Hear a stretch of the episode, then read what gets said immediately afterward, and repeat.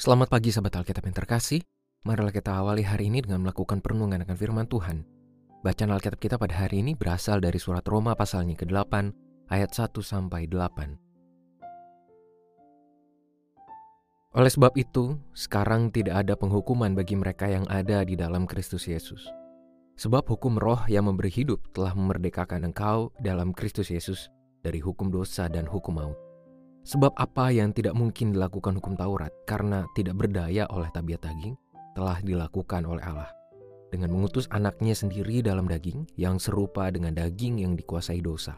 Dan untuk menghapuskan dosa, ia telah menjatuhkan hukuman atas dosa dalam daging.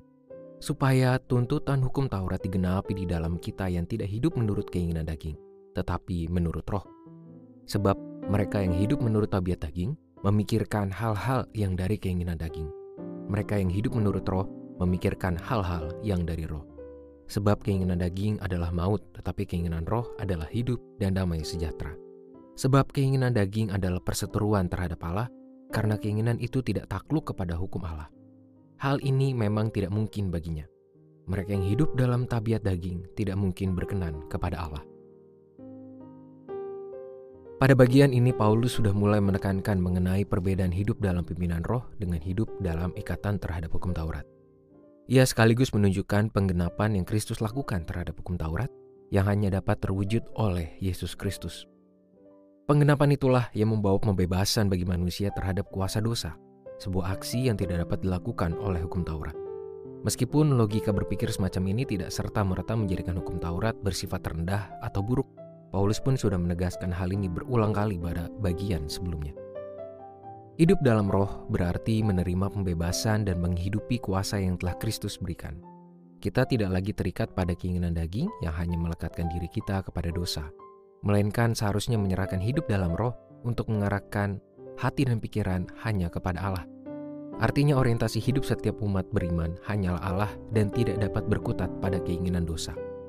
Meskipun kita juga perlu mengakui bahwa sering kali manusia lalai mengarahkan imannya kepada Allah dan lebih mendengarkan rayuan dosa dengan segala jebakannya. Namun itu tidak berarti menjadi akhir dari kehidupan beriman sebagai umat Tuhan. Kita perlu menyadari bahwa persoalan iman tidak hanya gerakan satu arah atau satu pihak, yakni Tuhan sendiri, melainkan juga melibatkan upaya dari manusia itu juga. Sahabat Alkitab, memikirkan hal-hal yang dari roh berarti kita bersedia mengolah pikiran dan hati untuk terus menjalani hidup dalam roh.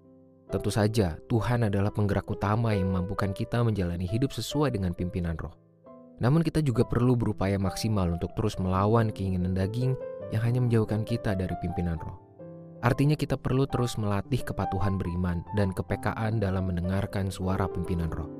Hal ini bukanlah hal yang mudah, bahkan cenderung mustahil untuk dilakukan jikalau kita masih bermalas-malasan untuk mengatur pola hidup yang ideal sebagai umat Tuhan. Apalagi jikalau kita masih menganggap bahwa iman akan berubah secara instan dalam satu malam. Marilah kita berdoa. Tuhan di dalam kebenaran firman-Mu yang kami renungkan ini, tolong kami dengan segala keterbatasan kami sebagai manusia dan kelemahan kami. Tuhan pimpin kami, mampukan kami untuk terus melatih dan membentuk diri kami menjadi umat yang setia yang terus mengarahkan hati dan pikiran kami hanya kepadamu sehingga kami menjalani hidup yang berkenan di hadapanmu. Jangan biarkan kami kalah dengan keinginan daging, dan justru menyerahkan diri kami menjadi tawanan dari keinginan dosa. Hanya di dalam nama Tuhan kami Yesus Kristus, Sang Pemberi kehidupan kami, kami berdoa dan menyerahkan hidup ini. Amin.